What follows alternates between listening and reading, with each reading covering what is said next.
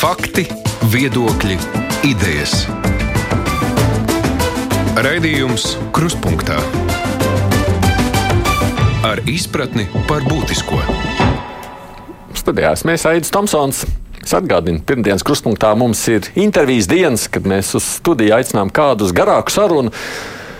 Nu, ja jūs ierakstīsiet internetu meklētājā, pārlūkā šīs dienas uzaicinātā cilvēka vārdu latviešu valodā, jums ļoti daudz informācijas neatvērsies. Un iemesls tam ir gaužām vienkāršs. Nu, varbūt ne, drīzāk divi tādi redzamāki iemesli. Pirmkārt, viņš vēl ir gados jauns. Kā saka, informācija vēl tikai krājas. Otrakārt, viņš ir nu, vispār nedzīvo Latvijā, līdz ar to tā, nav uzturējies latviskā vidē.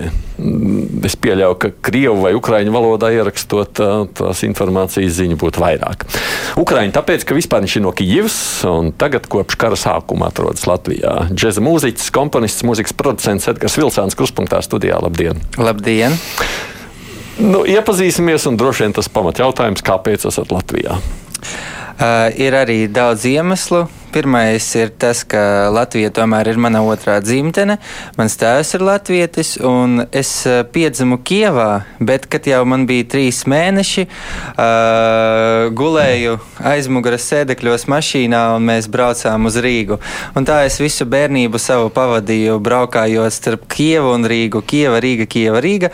Un man bija divas tādas mīļas pilsētas. Kad es dzīvoju Kievā, es ilgojos pēc Rīgas, kad es dzīvoju Rīgā, es ļoti ilgojos pēc Kievas. Uh, nu, otrs iemesls ir. Tas nozīmē, ka man piedod, jāsaka uzreiz personisks jautājums. Man teikt, nedzīvoja kopā vai kā tā braukšana? Vai... Viņi kopā braukāja. Kopā braukāja. Jā, gribēja pamēģināt kādu brītiņu te, tad kādu brītiņu bija tur. Darīšanas gan tur, gan tur, jā, un tēvam bija kaut kāds uh, darbs un biznesa saistīts mm. gan ar Rīgu, gan ar Kievu. Mm. Viņš, kad aizbrauc uh, uz Ukrainu, iepazinās ar manu mammu, un tā arī nu, viss sanāca dēļ kaut kādām darba darīšanām. Jā, un tad mamma braukāja līdz ar viņu viņu. jā, jā, un arī, arī priekš mammas iznāka Latvijā jau palika par dzimteni mm -hmm. otro. Daudz gadus nodzīvojām arī šeit. Nu, un eh, pēc tam, kad man bija deviņi gadi, mēs jau pārcēlāmies uz Kievu, un tur jau līdz eh, šim brīžam gandrīz vai es pavadīju visu laiku. Un mm. Uz Rīgu braucu tikai kaut kad satikt tur radiniekus, dažus pastaigāt pa koknesi, man tur dzīvoklītis palika palika no vecmāmiņas. Nu, un tā. Nu, 23. februārī, kad es pamodos 5 no rīta no sprādzieniem, es jau biju nedaudz morāli gatavs, ka droši vien karš sāksies, bet nu, dzīvoju tā, kā dzīvoju. Man bija plānots braukt uz darbu, man bija liels diezgan ieraksts, tur viens liels mākslinieks gāja rakstīties, un es sapratu, ka var notikt viss kas, bet uh, tu tajā mirklī, kad jau ir tik daudz informācijas par karu, nu, gribi neuztvert to pārāk tuvu pie sirds. Un tā arī mani draugi, tā vairums manu paziņu dzīvo. Vienkārši daram, ko daram. Bet, nu, kad es pamodos no sprādzieniem, man sāka zvanīt eh, draugi, paziņas un domāt visi, ko tālāk darīt. Mm, bija pieņems lēmums braukt, protams, ka uz Latviju. Nu, tas lēmums uh, neatnāca uzreiz, neatnāca ļoti viegli. Man vispār bija doma, ka tā problēma, ja tā var izteikties, kaut kas trakāks nekā problēma. Bet, ja tas viss pāries tuvākajā laikā, tad kāda jēga kaut kur tālu braukt? Varbūt tā ir manipulācija, šantažē, mūs vienkārši pašaudīs trīs stundas un pārstās, lai nu, kaut kādus savus noteikumus, kā teikt, pareizi uzstādītu. Bet, nu, labi, ka tomēr, ja tā var teikt, labi, ka aizbraucām, jo kopā ar mums bija vecmāmiņa, uh, mamma, tante un vēl draugs ar draudzeni. Daudz mm. cilvēku mašīnā, un es pie stūres. Un kāpēc tomēr ne tur, lai aizstāvētu dzimteni? Ļoti grūts jautājums, bet uh, man uh, mašīnā iznāk Man vispār bija tā, ka mm, netik sen aizgāja no dzīves patēvs, ar kuru mēs dzīvojām kopā. Un sanāk, ka es biju vienīgais cilvēks, kurš varēja braukt pie stūres un kaut kā norganizēt to visu. Man apkārt bija mamma, vecmāmiņa, kā es teicu, vecas sievietes un tā tālāk. Tāpēc viss pareizākais tajā brīdī man likās ir tomēr braukt.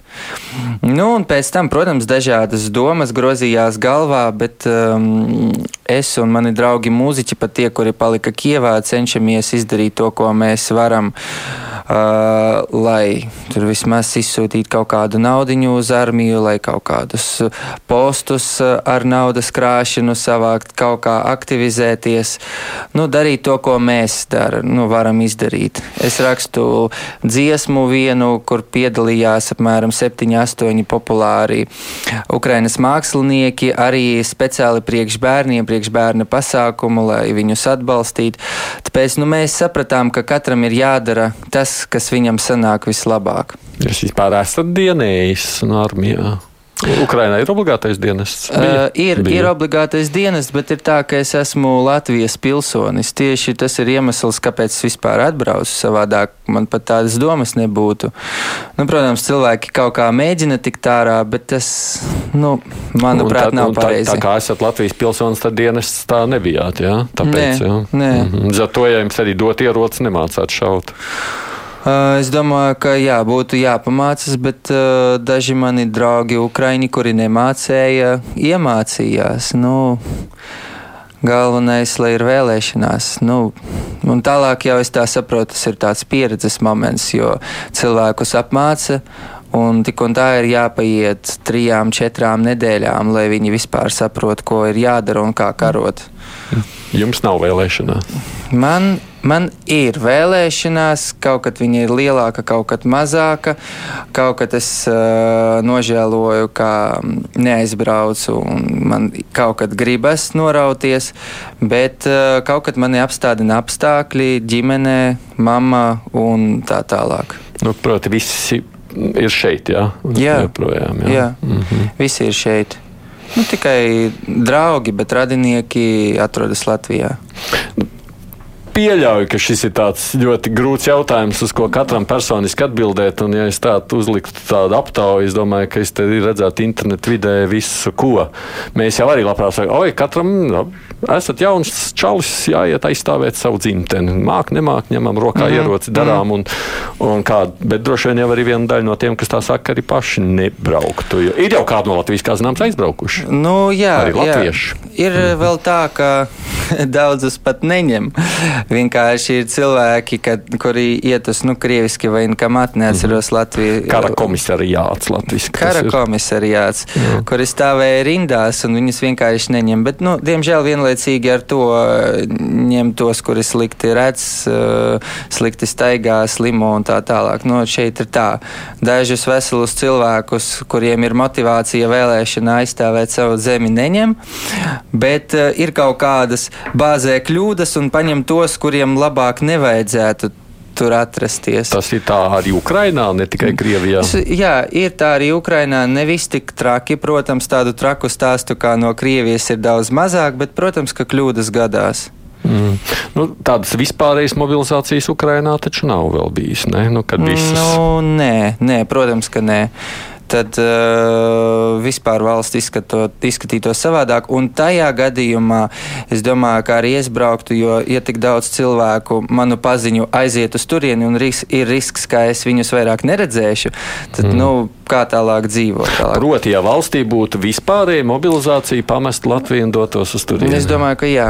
Vienkārši tad valsts uh, funkcionētu absolūti citādāk. Uh, tomēr uh, ir svarīgs moments, kā ekonomika ekonomika, kā mm, firmas, kompānijas, restorāni, kuri strādā, kuri um, paņem naudu no ārzemēm.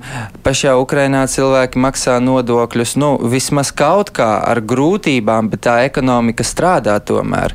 Un uh, cilvēki pat izklaidējas, un pat tie paši karavīri atbrauc atpakaļ uz Kievu, uz Lvovu, uz vēl kaut kurien. Viņi tur dzer, atpūšas un tērē naudu, kura grozas valstī.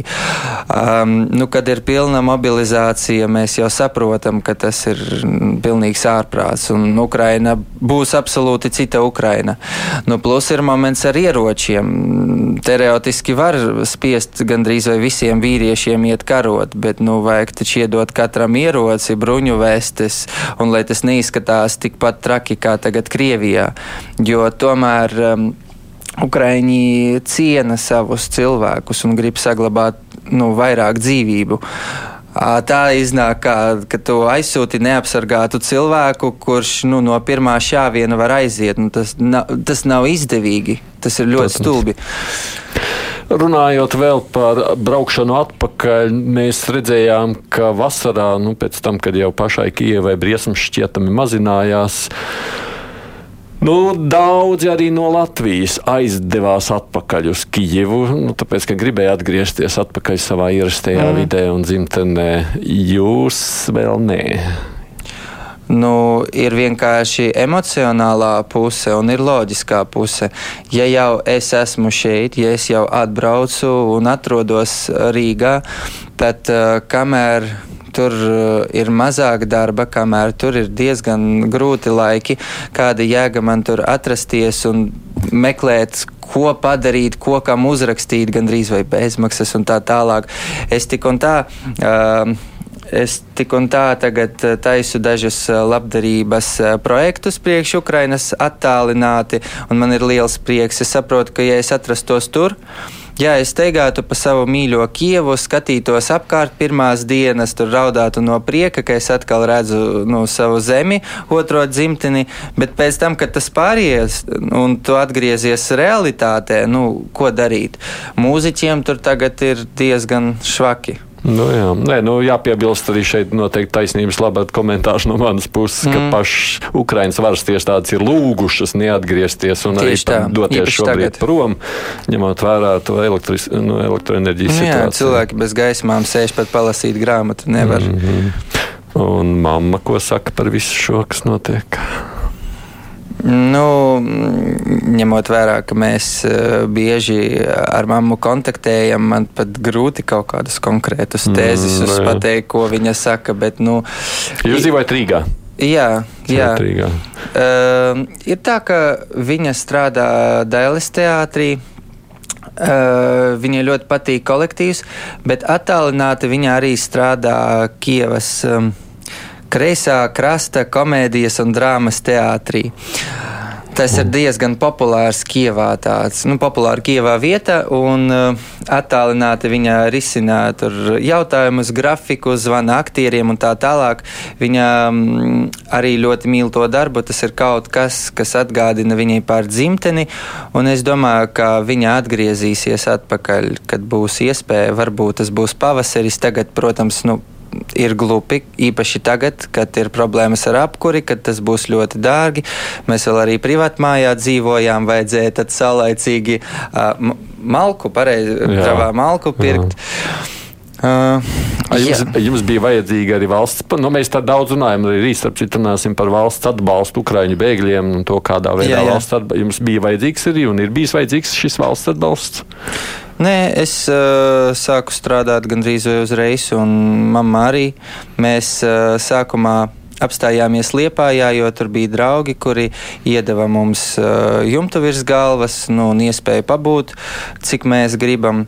Bet, uh, kad ir iekšējās kaut kādas sāpes, nu, gan man, gan arī mammai ir bijis tā, ka uzreiz gribas kaut ko darīt tālāk. Mēs vienu dienu pasēdējām Liepājā, pastaigājāmies, un nākamdien jau aizbraucām uz Rīgu kaut ko darīt. Um, ne tik daudz cilvēku brauca no Ukrainas, uh, tad uz, nu, tieši Latvija viņa nav vistuvāk. Kāpēc mhm. tieši Latvija? Kāda jēga? Daudzi mm, brauca uz Poliju sākumā, varbūt uz Lietuvu, nu, protams, kādi uz Vāciju, jo tur bija apstākļi priekšbēgļiem diezgan nu, izdevīgi, ja tā var teikt. Um, mēs braucām uz Latviju, un uzreiz sākās kaut kādas intervijas. Man sāka zvanīt, aicināt uz kaut kādiem muzikāliem projektiem, kaut ko darīt. Um, tā bija arī mēs pabraucām garām Dailes teātrim. Man mamma saka, ka kaut kad uh, tēvs tavs stāstīja, ka tas ir diezgan labs teātris. Uh, ot, interesanti, varbūt tur varētu dabūt darbu. Un es apstājos, saku, varbūt tu izkāp ārā parunājies, izstāsti, kā ir. Tev tas viss sanāks. Viņa saka, no kāpēc ne apstājies, es iešu parunāties. Un vienkārši no ielas viņa iegāja. Viņa teica, ka man, nu, es nevienu šeit nepazīstu, bet jūs esat mani kolēģi. Un uh, sanāca tā, ka tagad viņa strādā Dailas teātrī. Man arī bija tā muzikāls projekts, mani uzaicināja tur dažas rindiņas uh, nodziedāt ukraiņu valodā, un rezultātā es pats strādāju tajā studijā, kur iedziedāju vienkārši kā kā mm -hmm. Ukraiņas tur bišķiņa dziedātājs dažas rindiņas. Nu, tāpēc tā. Valodu nesat aizmirsis kopš. Nesmu. Kā izdodas uzturēt, ja mamma nerunā latviešu? Nu, pirmkārt, draugi apkārt, ir mhm. vajadzība runāt latviešu.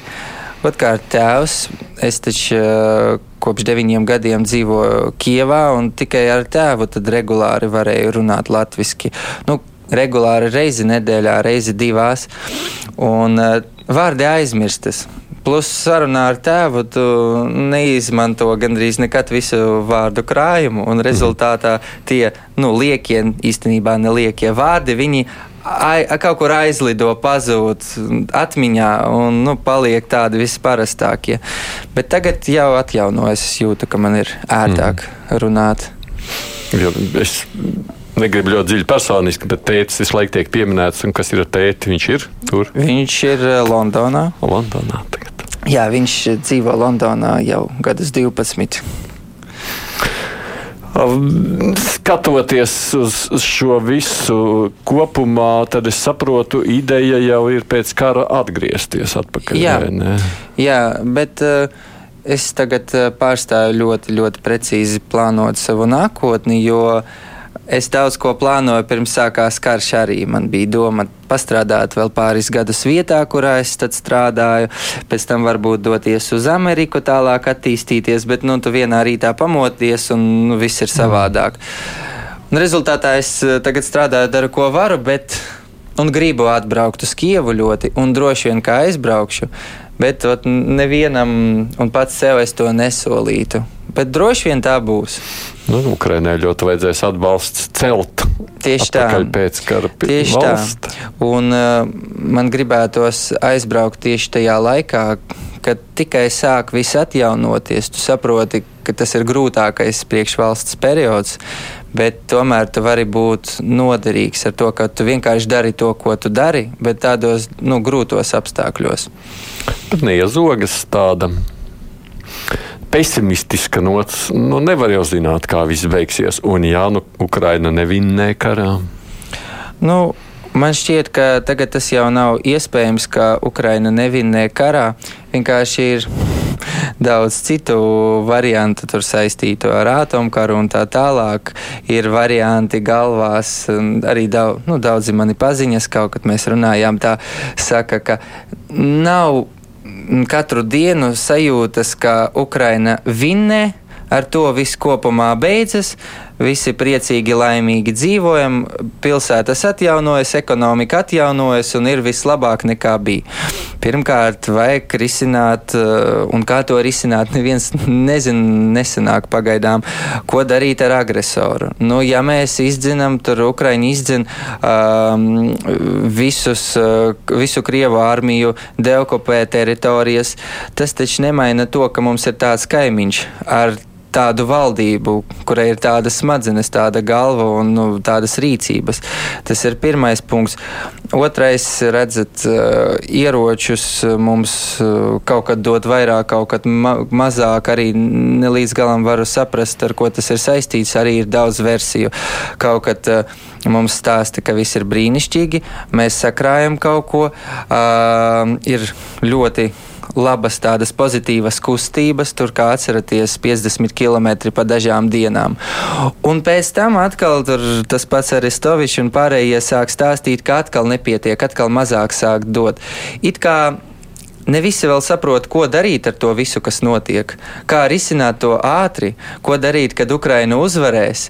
Ir ļoti daudz, man šķiet, ka iekšējo dažādu spēļu tur, par kurām mēs nezinām. Ir jau viens aspekts, par ko es reizēm bažīgi iedomājos. Nu, kā, viena lieta, kur mēs redzam, tas ļaunums strauji attīstās blakus kaimiņos, kas ir Krievija, no nu, mm, mums kaimiņos mm. šajā gadījumā arī. Jā. Un es nesaprotu, kā viņi šo ļaunumu grasās pārvarēt. Bet nu, ļaunums jau rada arī ļaunumu. Un, mm -hmm. Reizēm jau jautājums manā iezogas, kā Ukrāņi tiks tam pāri morāli, nekļūs paši tādi cietsirdīgi, atriebīgi un nezinu.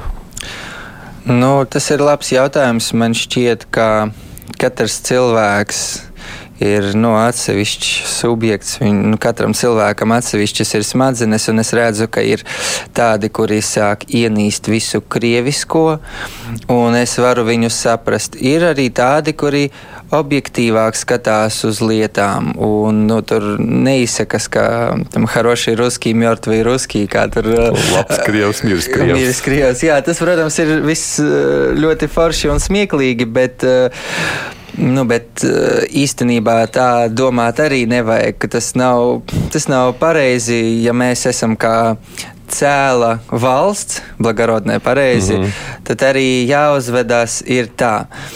Bet eh, nu, būs daudz, daudz traumētu cilvēku, daudz traumētu ģimeņu. Protams, kad tu uh, uzzini, ka tavs radinieks gājis bojā, un tu saproti, dēļ kā viņš ir gājis bojā, uh, tev tu sāc ienīst visu krievisko, tu negribi neko ar to saistīto redzēt, dzirdēt un tā tālāk, un tas ir normāls cilvēcisks moments. Nu, mums jau šeit, Latvijā, tagad šīs dienas diskusijas, spriežot pēc brīvā mikrofona, ir aktualitāte. Mēs gribam, ka pēc četriem gadiem vairs skolās netiek mācīta krievu valoda arī kā otrā svešvaloda. Mm, mm, nu jā. Zinkārīgs jautājums, ko sakāt par šo? Nu, tā, kā politiskam ekspertam tagad. nu, jā, ļoti patīkami. Es uh, kopumā varu atkārtot tos pašus vārdus. Es to varu visu saprast. Uh, Vai tas ir ļoti gudri un tālredzīgi? Nezinu, tas ir otrs jautājums, bet mm. nu, dzīve parādīs. Mēs nezinām, kāda būs pozīcija Krievijai, ja mēs tur pasapņojam, kā atnāk cita valdība. Kāpēc, lai viņa atnāk, es nezinu, tas ir absolūti atsevišķs jautājums, bet nu, tomēr atnāk cita valdība, adekvāta, karavīri aiziet no Ukrainas teritorijas, mēs sākam būvēt jaunas starptautiskas draudzības, draudzīgas attiecības attiecības, viņi izmaksā reparācijas, sāk tirgot ar Eiropu atkal, visiem mhm. paliek vieglāk bišķiņu gāzes jautājumā. Nu tad kāpēc ne? Bet uh, kādēļ tas notiks, nu, es nezinu, un cik ātri tas notiks. Mm, jā. Ejot uz priekšu mūsu sarunā. Droši vien te tagad savukārt ir jāpiemina viens no iemesliem, kāpēc mēs šeit šodien satiekamies. Un publiski mm. jau tas pāris stundas pirms ētera arī izskanēja. Jūs būsiet arī saistīts ar. Uh, maratonu dod pieci. Varbūt tā pavisam, mm -hmm. lai nav man jāpārstāst, izstāstiet, kāda tā saistība un kā tas ir noticis. Um, Es domāju, ka vairums no klausītājiem zina kopumā, kas tas ir labdarības maratons. Kas dod... ir dot pieci? Es domāju, ka klausītājs domāju... zina. Iespējams, viņi maz ko zina par šī gada maratonu, bet vispār par maratonu zina. Jā, tāpēc tā kopumā domāju. par maratonu droši vien nav jēgas daudz stāstīt, bet uh, šī gada maratons. Uh, ir, protams, saistīts ar ziedā, ziedošanu Ukraiņu bēgļiem bērniem. Un man kaut kad piezvanīja Toms Grēviņš. Sākumā bija um, doma, ka es tur pieslēgšos kā producents pie himnas. Uh, taisīšanas, mm. ražošanas, eh, bet eh, pēc tam, kad jau informācija visa sagāja kopā, mēs sapratām, ka mm, himnu taisīs Dorns, Ivans Dorns, kas ir ļoti forši. Tas ir mm. Eh, Ukrainas mākslinieks, kurš ir gan Ukrainā populārs un slavens, gan arī Latvijā. Es redzu, ka mūziķi viņu ciena un viņš ir paraugs daudziem un kā līdermņēnie, nu, viedokļu līderis. līderis jā. Mm -hmm. Tāpēc tas tā ir ļoti simboliski. Vēl arī es esmu ar viņu pazīstams. Mēs redzējāmies Kievā dažus gadus atpakaļ, un tā ļoti patīkami. Un rezultātā man um, piezvanīja. Toms Grēviņš uh, aprunāties, un es saku, droši vien jūs par himnu. Viņš saka, nē, kaut ko vairāk gribētu tev izstāstīt. Un tad viņš teica, ka um, viņiem visbiežāk um, tajā maratonā piedalās uh, trīs dīdžeji, un tie cilvēki ir no radio. Viņi neaicina nevienu tāpat no ielas. Bet uh, es esmu izņēmums, jo es esmu cilvēks, kurš runā gan latviešu, gan ukrāņiski, gan krieviski. Un, uh, plus esmu mūziķis, vienīgais, kas neesmu radiodīdžers, nu, bet tagad nāksies būt, kļūt. Bet uh, kopumā viņi teica, ka tas maksimāli varētu atbilst tēmai šī gada. Un, uh, un tā nu es esmu šeit. Jūs par komandas dalībnieku. Pirms mēs par šo turpinām sarunu, Jā. mēs paklausīsimies tagad sagatavot tādu pašreklāmu, ja nezinu, iestarpinājumu, ko mēs arī nākamajās dienās daudz dzirdēsim. Ja pareizi saprotu, šodien tas mums būs šeit pirmats skaņojums ētrā, tad, tad jūs klausītāji pirmie izdzirdēsiet, kā tad kolēģi piesaka un aicina iesaistīties dot piec akcijām. Šī ir skola. Skola. Bumba. Bumba. Mājas. Mājas. Klases biedrene. Klases biedrene. Spēlēties.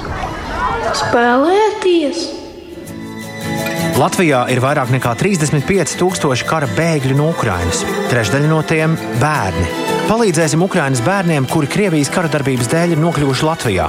Piedalies sabiedrisko mediju labdarības maratonā DOT 5 un ziedo ar dziesmu. Tavi 5 eiro palīdzēs Ukrāņu bērniem piedzīvot vēl vienu dienu bez sirēnām un sprādzieniem. Ienāc DOT 5 LV!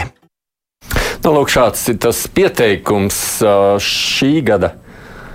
Nu, akcijā redzēsim, protams, kāda būs ļaužu atsaucība un ko ļaudis saka, bet, protams, ka Ukraiņa te ir daudz sirdīs. Ko jūs pats sagaidāt no šī piedzīvojuma? Man liekas, ka būs interesanti, būs sirsnīgi un labi. Es jau stāstīju, ka, manuprāt, Latvija ir nu, pati tāda dvēseliska, sirsnīga valsts.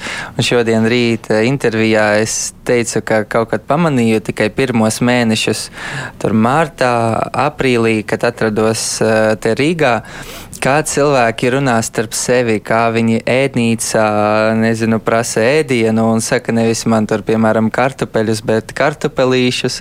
Man lūdzu ne cukuru, cukuriņu, kafiju ar pieniņu. Un kopumā to var ieraudzīt arī attieksmē mm. pret citiem cilvēkiem. Un, um, es redzu, kāda ir uh, patīkama un sirsnīga komanda, kāda ir laba un siltā attieksme pret mani. Un man šķiet, ka arī tās uh, dienas stikla studijā paies interesanti un galvenais ar konkrētu jēgu. Nu, nu, runājot tālāk, es nezinu, cik daudz mhm. naudas sanāks uh, sakrāt, bet man šķiet, ka tā summa būs diezgan iespaidīga. Bet uh, jums pašam ir skaidrs, kas tur būs jādara nedēļu sēžot būdā. Ne, bet, nu, no, apmēram, es nezinu, vai pareizi par to ir runāt pārēdē, uh, bet ir uz kādiem 50%. Uh, es domāju, līdz 16. datumam būs kādi 70%, un pēc tam pirmajā dienā jau būs. tur 90 otrajā varbūt simts. Bet kāpēc vispār tam piekritāt? Nu, nu, varējāt taču teikt, nē. Nu, protams, varēja, bet uh, es tad uh, zaudētu ļoti daudz interesantu iespēju. Nu, tu pasaki nē, un viss, un tava dzīve turpina iet tā, kā viņi gāja līdz tam. Kad tu pasaki jā, protams, tu izēj no kaut kādas komforta zonas. Es nezinu, cik labi man ies pirmo dienu, jo es neesmu strādājis kā radio DJs. Es saprotu, ka var būt grūti, varbūt kaut ko nepavisam pareizi pateikšu, nepavisam skaisti, smuki, kā nekā labākais uh, pasaules DJs. Bet uh, toties tu iemācies kaut ko jaunu, un tev ir milzīgs, liels piedzīvojums.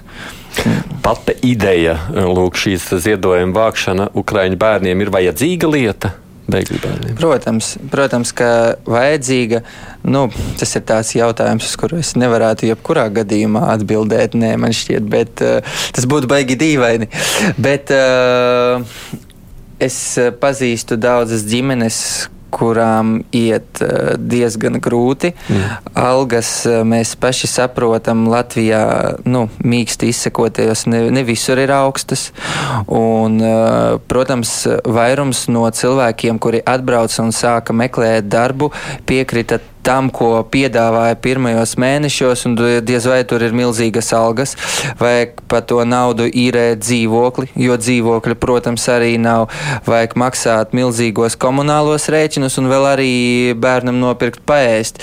Un kad bērns grib piemēram, aiziet um, uz kaut kādu uh, skolu, jeb uh, individuālajām nodarbībām, varbūt kādam vajadzīgs boks, kādam balets, kaut, nu, kaut kāda attīstība bērnam ir obligāta, vienkārši obligāta. Un tam vajadzībām vēl ir nu, līdzekļi kaut kur jāatrod. Tāpēc man šķiet, ka nu, daudziem tas būs kā glābšanas riņķis. Jūs savstarpēji kontaktējat kādi, kas ir bēgļi no Ukrainas šeit Latvijā? Jā, protams, protams. Nu, es eh, kontaktēju ar eh, mūziķiem, bēgļiem, kurus nezināju līdz tam agrāk. Pēc tam izrādījās, ka mums ir kaut kādi kopīgi sakari Ukrainā. Tas ir īstenībā retums, jo, piemēram, Latvijā visiem ir kaut kādi kopīgi sakari. Nu, tur gandrīz vienmēr, īpaši, ja tie ir mūziķi, tad mūziķis jebkuru citu mūziķi pazī, pazīst 90 90% eh, no gadījumiem. Ukrainā tas ir lielāks retums un ir interesanti sēdēt Rīgā un apspriest kaut kādu kopīgo paziņu no Helsonas, jeb no Kievas, Harkovas. Bet ne par to runājot. Tie ir cilvēki, kuri kopumā cīnas, kuri strādā un kuri nežēlojas, bet um, tie nav, nu, tās nav ģimenes, uh, kuriem tur aug uh, maziņi bērni. Ir arī paziņas, es zinu, bet nu, mazāk ar viņiem runāju, kuriem ir tieši bērni, un tur vienmēr iet grūtāk. Jo nu, mēs saprotam, bērni slimo, bērniem ir vairāk vajadzību, bērns nevar aiziet strādāt un pats sev apdrošināt dzīvi un tā tālāk. Tāpēc, nu, Nu, tā nenoteiktības sajūta bija tā, ka mums mm. nācās meklēt arī kādu īrnieku vienam no dzīvokļiem, kur mēs gribējām mm. izīrēt. Tur bija vairāk ukrāņu. Es ļoti gribēju arī īstenībā mm. kādai ukrāņu ģimenei, bet tur ir Bet varbūt mums tomēr izdosies aizbraukt atpakaļ. Ja? Mēs nevaram zināt. Mēs meklējam, tik līdz būs iespēja, gribam doties mājās. Mēs tā arī atbraucām. Jā, mēs atbraucām uz divām nedēļām sākumā. Nu, reāli, tu taču negribi ticēt, ka būs tik traki. Mēs, kad atbraucām, uzreiz tā vienkārši pārsēdējuši to laiku un dosimies atpakaļ. Un tā visi, es nezinu, nevienu neatceros, kurš teiktu, ka es izbraucu un šeit palikšu, jo karš tur vilksies ļoti ilgi. Un, Es atgādinu tikai pirms mēs turpinām sarunu, ka mums šeit studijā šodien ir saruna ar mūzikas producentu, džēza mūziķu, komponistu Edgars Vilcānu. Uh, nu, es tādu nevaru saprast, vai teikt no Kievas, vai šobrīd arī var teikt tepat no Rīgas. Raidījums Krustpunktā. Domājot par visu pārējo, droši vien, ka vērts mazliet palūkoties, ko ļaudis arī man šeit raksta. Valdis prasa, kāds ir jūsu viedoklis par mūzikas industriju Latvijā? Vai jums nav radies iespējas, ka Latvijā ir tādu populāru mūziķu monopols, kas neļauj jauniem, labiem mūziķiem izlausties, ja nu vienīgi daudz naudas? Nu, tā ir uh, problēma Man šķiet, ka gandrīz vai jebkur šajā pasaulē ir kaut kāda monopolija, un, um, protams, kādam jaunietim, vēl arī kuram nav daudz naudas, ir daudz grūtāk tā ir kopumā, man šķiet, ka par visu šajā pasaulē, ja tu esi piedzimis nu, diezgan bagātā ģimenē un vēl arī neesi sliņķis, tad droši vien tava dzīve izskatīsies, nu, vismaz finanses plānā diezgan labi un veiksmīgi. Ja tu esi mūziķis, arī tas pats. Bet uh, es uh, tagad esmu pastrādājis ar ļoti daudziem, man šķiet, māksliniekiem šeit Latvijā, un vairums no viņiem sāka vienkārši no nulles. Un ir cilvēki, cilvēki, kuriem ir tagad 24, 25 gadi, un viņi ir diezgan veiksmīgi. Mm, agrāk Agrāk, protams, bija vairāk sarunu par to, ka ir obligāti jābūt jeb no bagātas ģimenes, jeb ir jāatrod sev no papiku kaut kādu producentu un tā tālāk. Šobrīd ir reāli ir Instagram, ir TikToks, mhm. ir YouTube un ir daudz instrumentu, caur kuriem var sevi attīstīt. Es, piemēram, to nemāku darīt. Man nepatīk TikToks un ne ļoti patīk Instagram, bet es zinu cilvēkus, kuri iespringst iemācas, taisa interesantu kontentu un paralēli ar to bīda savu mūziku. Un mm. aiziet, vēl ir tās originalitātes moments, kā nezinu, ja var arī konkrētus tur vārdus saukt, bet, piemēram, nesen es pabeidzu tur produkciju kopā ar um, meiteni Ilzi Bū, ir tāda mm -hmm. māksliniece. Un, um, Viņa nebija populāra vēl dažus gadus atpakaļ, kā es sapratu, un kā man stāstīja. Un es zinu, kā viņa taisīja mūziku ar vienu producentu. Viņi kopā strādāja uz nāku, nu, kaut kā cerējot, ka tas izšaus. Plus viņai ir pati tāda neparasta, viņa izskatās diezgan neparasti. Viņa tur ākstās mikrofonā, ļoti interesanti, saudabīgi, bet forši dzied, un tas nostrādāja, un viņu klausās, jo ir kaut kas neparasts. Tāpēc nu, man šķiet, ka ir iespējams viss. Kā jūs pats izcēlāties pasaulītē, jeb nu, saulē? Mūzikas. Nu, Latvijā vienkā, vienkārši ir tā, ka, ja tev izdodas izcelties Ukrajinā, tad mm -hmm. Latvijā, godīgi sakot, to ir izdarīt vieglāk. Un kā tur izdevās? Man tur izdevās, eh, ja var tā teikt, nu, arī nav taču nekādas konkrētas veiksmes, ka tu pasaki, o tā ir veiksme, o tagad es izcēlos. Tu visu laiku attīsties, un es vēl plānoju ilgi strādāt un attīstīties, droši vien līdz pašai nāvei. Bet um, Ukrainā Es sāku producēt mūziku kaut kur 17 gados, jau man sāka kaut kas daudz maz sanākt, un kaut kādas dziesmas sāka skanēt radio. Uh, Ukrainā, ja tavu dziesmu paņem radio uh, uz val, nu, valsti, kur ir 45 miljoni iedzīvotāji, tas jau ir tāds moments, kad tu saproti, o, oh, ir jāturpina tālāk. Un um, kādus nu, kādu laiku līdz sākās karš, es strādāju vienā no lielākajiem labeliem Ukrainā. Ir tāds labels mazgi, tur ir pat Potaps un Nāsķa Nāģa Darafieva un tur Vriemijas Stiklobī grupa, kuru es, starp citu, Rīgā pat uh, dzirdu, kas skan kaut kur no mašīnām un restorāniem. Un es sāku ar viņiem strādāt. Tas bija tāds moments, kad es sajūtu, ka jā, nu ne, ne, nepavēlties tur gan naktī, gan dienā sēdēju studijā un rakstīju mūziku un kaut ko mēģināju izdarīt. Es rakstīju māksliniekiem, tur Instagramā vēl kaut kur bieži man neatbildēja neko. Uh, visbiežāk man neko neatbildēja. Es tur gāju uh, pat pie tā paša Ivana Dorna tikties par parunāt, pakonsultēties. Mēģināju iespējas. Nevienmēr es Dornu trīs dienas gaidīju. Atnācu ar savu draugu, viņš aizmirsa Dorns. Teica, atvainojiet, Džeki, davai nākamdien. Atnākam nākamdien. Viņš saka, es aizmirsu, atvainojos, man tur ģimenē apsolu nākamdien. Atnākam nākamdien, gaidām viņu trīs stundas, bet viņš tomēr atnāca. Nu, un visi tie momenti Mhm. Viņi bija to vērti. Bet sākās karš, un es atbraucu uz Latviju tukšs, bez nekā. Un, nu, tā visa pieredze viņa it kā palika, bet tieši status, pie kura es ilgi gāju, viņš vienkārši aizpeldēja. Tu jūties kā cilvēks, kurš ir gatavs tur uz restorānu iet strādāt. Es biju gatavs absolūti tur, nezinu, bārā traukus mazgāt, nu, vienkārši lai dzīvotu. Bet tagad jau daudziem tā tas jau neatiec tikai uz jums, vai ne? Protams. Nojuka daudz. Protams. Protams, lieta. protams, es tieši par sevi stāstu, jo nu, saruna ir ar mani, bet tā kopumā, cik daudz likteņu ir daudz, daudz vairāk sabojāti nekā manējais. Man vēl ir viss, paldies Dievam. Karš pašu kā ir mainījis, iekšēji ir kaut kā mainījis. Jūs nevarētu atkārtot jautājumu? Kā pats pašu karš ir mainījis? Nu, visi šie notikumi ir kaut kā iet nu, pašu nu, nezinu, citādāks palicis. Esat. Jā, jā, nu, ne tā, lai kaut kā globāli radikāli, radikāli, bet uh, Ukrainā pēdējos gadus man arī bija diezgan grūti. Mums ģimenē bija nu, dažas tādas lielas nelaimes, un uh, līdz tam mēs dzīvojām, nu, cik ir iespējams, brīnišķīgi. Um, Es tieši tad iestājos augstskolā, man diezgan labi gāja. Es sāku producēt, man sāka kaut kas sanākt. Uh, man bija ļoti draudzīga ģimene. Uh, mēs te dzīvojām ar -hmm. uh, patēvu kuru es mīlēju tāpat kā arī savu tēvu. Viņš man bija ļoti tuvs cilvēks, un uh, bija kaut kādi kopīgi ceļojumi gan pa Ukrajinu, gan pa visu pasauli.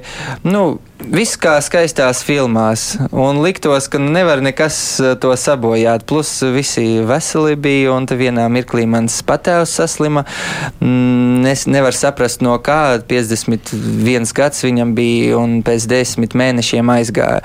Un tad, protams, es sapratu, ka daudz vairāk uz maniem pleciem atbildības ir par uh, brāli, mammu, um, ka man uzreiz ir jāmeklē papildus ienākumi, kaut kā ir jāpalīdz ģimenei. Un, nu, plus vienkārši sāpīgi, jo tu cilvēku mīli un viņš ir svarīgs priekš tevis. Un, kad man kaut kādi bija dzīves lieli jautājumi, es varēju pie viņa atnākt un es zināju, ka viņš iedos pareizu padomu, viņam bija milzīga dzīves pieredze un rezultātā bija sajūta, ka tu paliec viens. It kā ir mamma, brālis, draugi, bet eh, kaut kāda tāda siena liela, nu kā tur saka, zemušinai как за каменной стеной, un nu, tas Aiz par ģimeni vīrieša kā attiecas. aiz akmens sienas. Jā, un tad es jūtu, ka man paliek grūtāk, bet nu, es centos, bet tad nācās ļoti daudz ko pārdzīvot. Tur, nu, Ne, nav jēga stāstīt, bet ļoti daudz grūtību. Un um, tikko nedaudz viss nomierinājās, ja var tā teikt. Pēc dažiem mēnešiem sākas karš, un te jauns kaut kāds. Nu, un, un es sapratu vienkārši, ka nu, dzīve ir tāda, viņa ir salikta no kaut kādām labām, pozitīvām atmiņām, un viņa var būt salikta arī no ļoti drūmām, grūtām, smagām un, un sāpīgām atmiņām. Ziedīte tā jautā, vai jūs spēsiet visu, ko Krievija nodarījusi Ukrainai, piedot? Es uh, nevaru atbildēt, jo saprotat, to jautājumu uzdeva žurnālisti pat. Uh, Ukrainas prezidentam Zelenskim daudz reizes.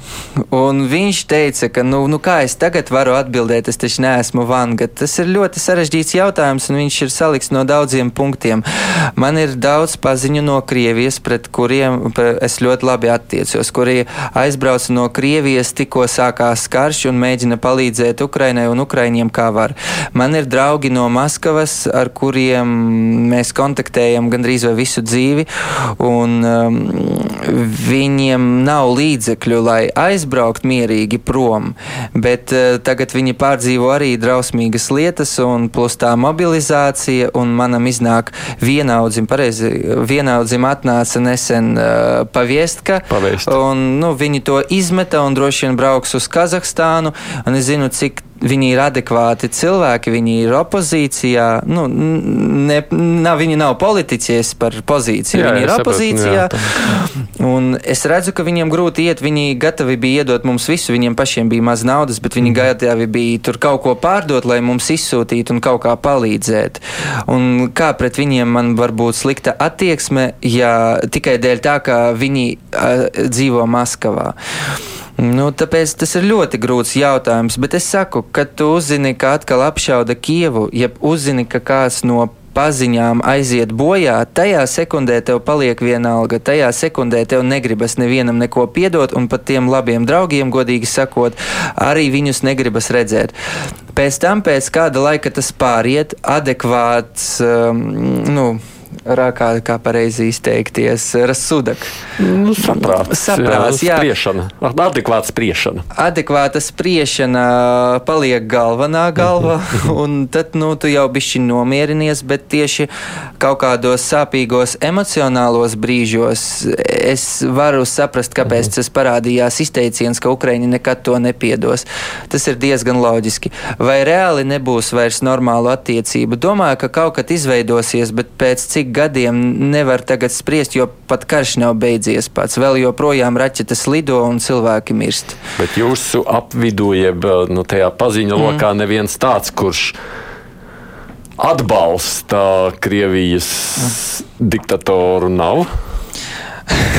Nu, bija viens uh, cilvēks, kurš uh, sēdēja Kievā visstrakākajos laikos, bet viņš sēdēja neviens ar uh, sievu un bērnu. Un, kad sieva teica, ka varbūt bērnam bija pieci gadiņi, sieva saka, varbūt es vismaz aizbraukšu, lai tomēr katram gadījumam saglabātu dzīvi mūsu bērnam. Tad Kievā bija traks laiks, tas bija mārts, aprīlis. Nu, mēs visi atceramies, kas notika. Uh, viņš uh, teica, iesitot ar kulaku pa galdu, ka sēdi kopā ar mani virtuvē, mēs gaidām Krievu armiju, drīz mm. viss būs labi. Kas tagad ar viņiem notiek, kā viņi dzīvo, es godīgi sakot, nezinu. Kopš tā brīža es arī nesmu ar viņiem nu, runājis, bet redzat, ir arī pašā Kievā tādi. Maz, protams, tas ir retums, bet pat es tādu pazīstu. Nu, un radinieki paši no Krievijas, kuri arī sāka zvanīt un stāstīt, ka nu, mums visiem pašiem tā vajag, ka mēs taču tur uh, mm. dan, bambili Donbasi, mm -hmm. ģiķēji kaut kādus mm. bērnus. Bombardēja Donbas un bērnus, jā. Mm -hmm. nu, jā, un ka mēs tagad ciešam par to, ko paši esam nopelnījuši. Nu, es, piemēram, tur mana mamma un miljons citu cilvēku, viņi jau bombardēja kaut kādus bērnus Donbasā. Protams, propaganda ļoti spēcīgi strādā un strādā vēl joprojām. Nu, jūs sakāt, viņiem sarunājaties ar viņiem, mēģināt Nē. kaut ko? Nē. Nē, tur ir, zinot, tāda sāpes, ka um, arī es uh, nebižojos uz cilvēkiem kopumā, jo, kad tu apbižojies, tev vispār ir grūtāka dzīve, vairāk akmeņu uz sirds kaut kādu karājas. Bet uh, vienlaicīgi ar to, ka uh, tu nu, kad tu pats izjūti visu, kas notiek, kad es vēl biju Ukrainā, un tie cilvēki sāk nu, vispār kā no citas planētas ar tevi runāt, nu, tev gribas aizmirst, vienkārši attālināties un vairs nekad nezvanīt. Un tā, tāpat nav mm, abiž, nu, kā abīdāt. Nu, jā, apvainošanās. Tas, tas, tas nav apvainošanās, jā, tu vienkārši negribi, nevari, tev ir pretīgi. Mm skatoties te vēl, ko ļaudis raksta, ir dažādi arī viedokļi šādi. Keiškungs raksta, labdien, jūsu viesis izcili runā latviski. Paldies, liels! Viss cieņa viņam, bet Anita savukārt saka, bet izklausājās, ka jūs attaisnojās, kāpēc nav palicis Ukrainā, bet atbeidzis kara dienās uz Latviju. Um, nesaprotu, ko viņš grib pateikt, runā par grāmatu lasīšanu, kamēr citi cīnās par brīvību. Nu, redzat, kā tas ir loģiski, ka mana vecuma cilvēkam tādus jautājumus uzdot, bet vienkārši. Mm, ir ir katram savs liktenis un ir eh, ļoti grūti spriest par citu dzīvi, godīgi sakot. Nu, īpaši tur, piemēram, atrodaties kaut kur tālāk no tā visa. Man ir ļoti daudz draugu, kuri palika Kievā mūziķi, bet nu, viņi arī nodarbojas ar mūziku. Daudzi no viņiem gāja uz terobaronu, bija gatavi arī aizstāvēt, bet viņus vienkārši neņēma. Un, eh, nu, es pieņēmu tādu lēmumu, kādu pieņēmu. Kā kādu uzskatīju tajā mirklī pareizāku, tāpēc ka tā ir mana dzīve. Un, uh, Nav šeit kaut kā pareiza, jeb nepareiza. Tas ir lēmums, ko es pieņēmu tajā sekundē, kad braucu ar visiem saviem radiniekiem, vienīgais cilvēks pie stūres. Um, tālāk, būs, redzēsim. Un, uh, vai tas ir pareizi vai nav pareizi, nu, to, to nevar spriest. Tad daudz baidās, ka mēs Eiropā varbūt kādā brīdī sagursim vai pagursim atbalstīt Ukraiņu, jo lūk, pašiem tur paliek grūti, tur cenas ceļas, jā, mēs redzam mm. inflāciju, energoresursu trūkums vispārējais. Mm. Tad sāksim kurnēt, novērsties no Ukraiņas. Un kas tad notiks? Jums nav tādu bažu? Nu, atkarīgs ir no valsts. Man šķiet, ka latviešiem nē. Latvieši saka, ka tā ir mazākā cena, kuru mēs maksājam par savu uh, drošību. Uh, ir cilvēki, kuri atrodas tālāk no Krievijas robežas, un tad viņi, protams, ne līdz galam saprota, kāpēc mans, nezinu, francūzi kaut kāds, kāpēc mans krosāns palika dārgāks par vienu eiro, alga ir tāda pati, kāpēc man ir jāmaksā vairāk tikai dēļ tā, ka kaut kur tur tālu kaut kas notiek. Un cik tas nebūtu stulbi un sāpīgi, nu, tos cilvēkus kaut kā droši vien var saprast. Es nesaprotu, bet droši vien, ka var. Um, man viena paziņa mācījās uh, Itālijā tagad, un viņai draudzenes no turienes saka, no, nu, kāpēc jūs nevarat atteikties no tām teritorijām, ja pēc tam var beigties karš? Nu, taču saka, ka jums vienkārši vajag sarunāt kaut ko, kaut kādu dokumentu pierakstīt, atdot tās teritorijas, nu priekš kam cilvēki taču mirst. Nu, tāda ir dažāda dažiem loģika Eiropā. Bet, um, Redzat, var, var pat ieraudzīt, kāda pozīcija ir latviešiem, lietuviešiem, igauniem, poļiem.